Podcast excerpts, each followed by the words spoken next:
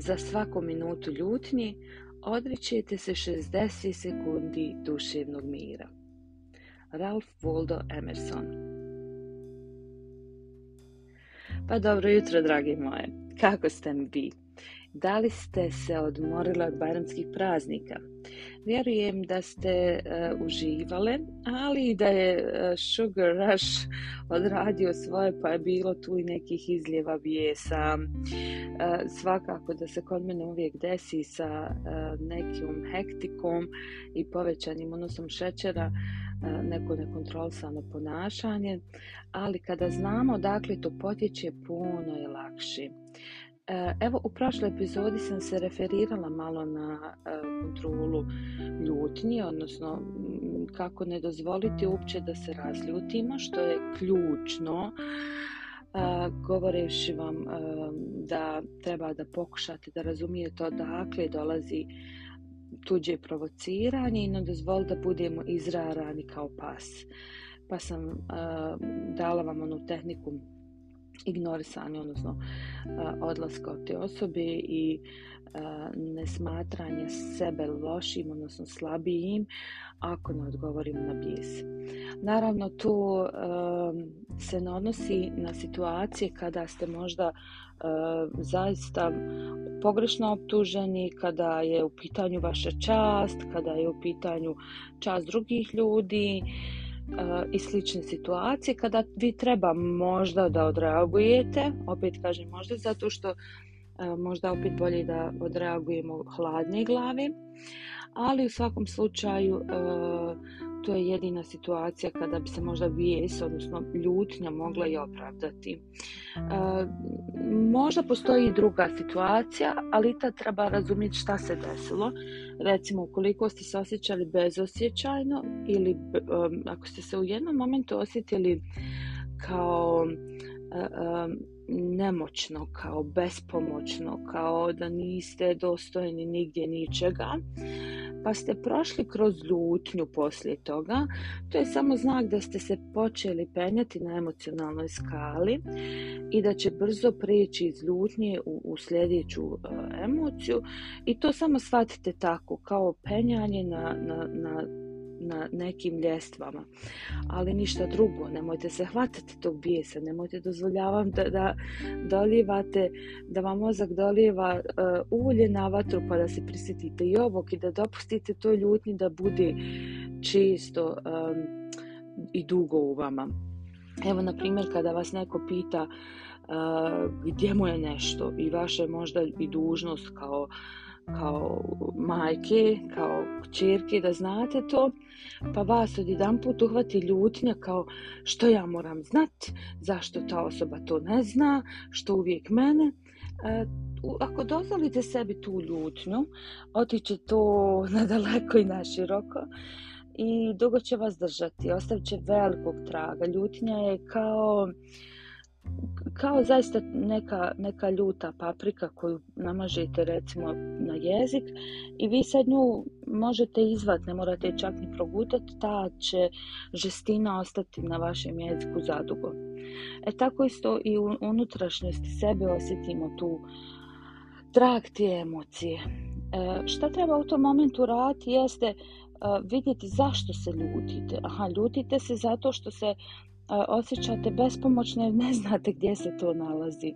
I umjesto da se um, sad ono, bjesomučno e, branite, samo pokušajte sebi reći pa ne znam, ali hajde da vidim gdje je. I ne optuživati drugu stranu, nego jednostavno krenuti u rješenje. Svakog može uhvatiti bijes, ali neka vam samo predući dođe opet onaj pas. Meni je to nekako najslikovitije kako ja svoj djecu učim da e, kažem niste vi cuko, da vas može neko iznervirati, e, to se kaže rarati. Znate kad dođete psu pa mu nešto dajete pa mu ne date, ono, rarate ga doslovno i onda on ono, pobjesni sav pjena mu na usta izlazi. I ono što uvijek morate raditi jeste pitati se zašto nas to nešto ljuti. Jer da smo mi u miru, to nas ne bi e, uopće doticalo ili bar nas ne bi toliko doticalo jer e, vidite nas e, ljut je uvijek nešto što je mimo naših ponavnih znacima uvjerenja e, pa zato moramo pokušati pronaći opravdanje ne radi te osobe, nego radi sebe, da mi sačuvamo svoj mir. Znači da se mi ne primaknemo to ljutnju uopće. Pardon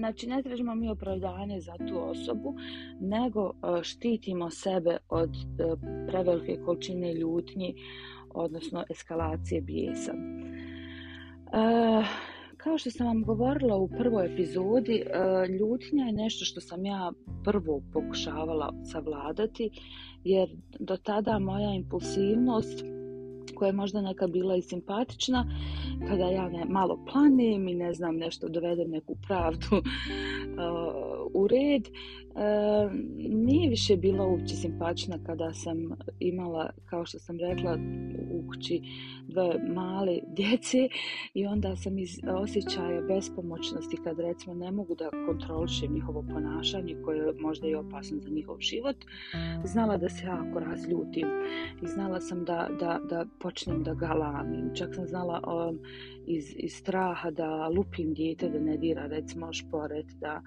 i onda mi tako teško bude kasnije što, što sam to tako odreagovala Um, pravdala sam ja sebe da je to impulsivno, da je to zaštnički, da, ali ostavljalo je to trag na mene. Kasnije mi je dugo trebalo da se povratim, da se smirim, da dođem sebi. I nekako sam nabasala, što se kaže, ništa nije slučajno, ali eto, nadašla sam na jedan divan Eh, kanal na YouTube-u, eh, praktična psihologija na engleskom je, ali eh, zaista onako dekantno objašnjeno šta se dešava kad nas obuzme ljutnja i kako sebi pomoći.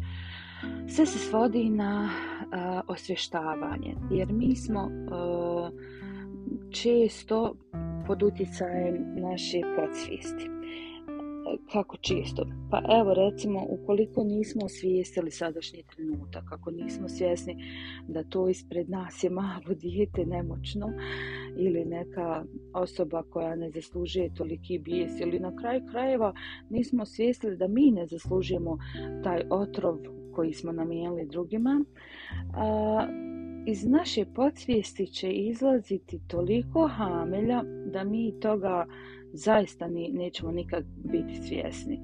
Sve što smo ikada čuli, sve što smo ikada vidjeli, čak i ona najobičnija objava bilo kakva što smo iskrolali, nismo je ni registrovali, naš svjesni um ostala je u podsvjesnom. Evo za to su vam recimo mirisi. E, mislite da ste nešto zaboravili, da se toga apsolutno ne sjećate i kada e, dođe vam miris neki iz prošlosti, e, automatski vam flash ispred očiju se pojaviti neke situacije kada ste taj miris osjetili. E sad, osvještavati se u takvim momentima je jako teško. Postoji možda jedna tehnika koja u tim momentima pali, ja sam i probala sve, e, a to je da zamislite da vas neko gleda. Zato je ona svijest o Bogu bitna, da znate da, da nas on uvijek gleda i kad e, kad samo to smislite u svojoj glavi, u toj ljutnji, vi ste automatski prešli sa nesvjesnog, odnosno podsvjesnog na svjesni nivo. I čim ste na svjesnom, nema više podsvijest tu snagu nad vama i kontrolu nad vama. Evo recimo, kada vam sini neka ideja, Uh, ovo nema veze s ljutnjom, ali da vam potvrdim, odnosno pokažem kako je podsvijest jaka. Uh, onog momenta kad vam je ta ideja došla, imate 5 sekundi da počnete da je realizirate. Inače, nakon 5, 4, 3, 2, 1, što kaže Mel Robbins koja je uh, definirala tu teoriju, odnosno tehniku, automatski se povlači ručna i e, odlazimo na autopilot, odnosno naše podsvijest vam da jedan razlog zašto to ne valja i zašto to ne bi uspjelo. E sad, e, ključno je znači u tim momentima samo brzo reagirati. E, što se tiče drugih tehnika, to se opet svodi na vježbanje sadašnjeg trenutka, recimo kroz meditaciju, odnosno kroz šetnje, kroz osamljivanje, kroz razmišljanje. Znači ono što mi često multitaskamo, što često radimo majke, jeste da puno poslova isto vrijeme radimo i onda e, nismo mi loše u tome da se razumijemo, mi to savršeno radimo, mi žene možemo hiljati poslova isto vrijeme raditi, ali nismo imali vremena za introspekciju. Znači introspekcija, observacija, jako, jako bitne. Ali tu treba rada. E, što se tiče brzih rješenja, kao što sam već spomenula je znači samo pokušati izaći iz svoje glave, pokušati pod navnicima sebe kako ga lamimo ili e, ako recimo stojimo da sjednimo ako sjedimo da legnimo. Sve to nekako, ne samo što će nas promijeniti našu energiju, e, automatski nas osvještava. Pa je to jako bitno u tim momentima. Uh, morat ćemo se osvještavati i pokušavati. Znači, nema, nema nam drugi. Jako je bitno znači, samo da, da osvijestimo taj trenutak i već kad smo ga osvijestili da mu ne damo život. Znači, da ga da se e, da počnemo da dišimo. E, muslimani prouče Euzi bismilo odnosno traži zašto od Boga. Vjerujte, sve to ima svoje. Znači, to ništa nije bez vezi, jer samim tim osvještavanjem da, da nam treba pomoć, odnosno da nam treba zaštita, mi smo već, već, već puno napravili. ja se izvinjavam. Što se tiče e, drugih tretmana praktičnih kako upraviti bijesom imamo um, znači promjenu energije sa šutnjom, sjedinjem, uh, povlačenjem, ali imamo i abdest. Odnosno imamo umivanje dijelova tijela hladnom vodom, što ima i tekako smisla jer osim te namjere koju mi imamo sa tim abdestom, odnosno e, umivanjem. E, ljutnja je kao vatra, a hladna voda će definitivno tu puno pomoći.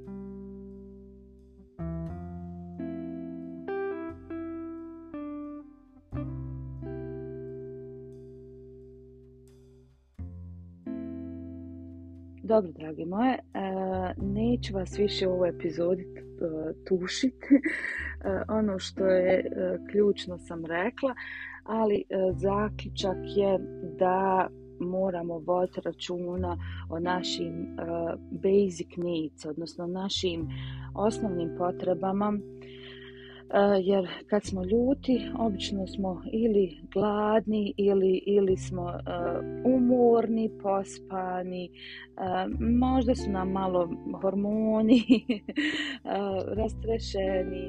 Uglavnom E, pitati se šta to meni sad nedostaje, šta je, e, šta je to što mene u stvari nervira, jer nije nikad e, razlog ono što se dešava, to je samo povod, jer kao što sam na početku rekla da smo mi namirene i u miru, nas to ne bi toliko nerviralo. Možda bi nas malo iritiralo, ali nikako nam ne bi došlo do, do bijesa tolikog i, i, i i gubljenja glave, odnosno nevladanja sobom.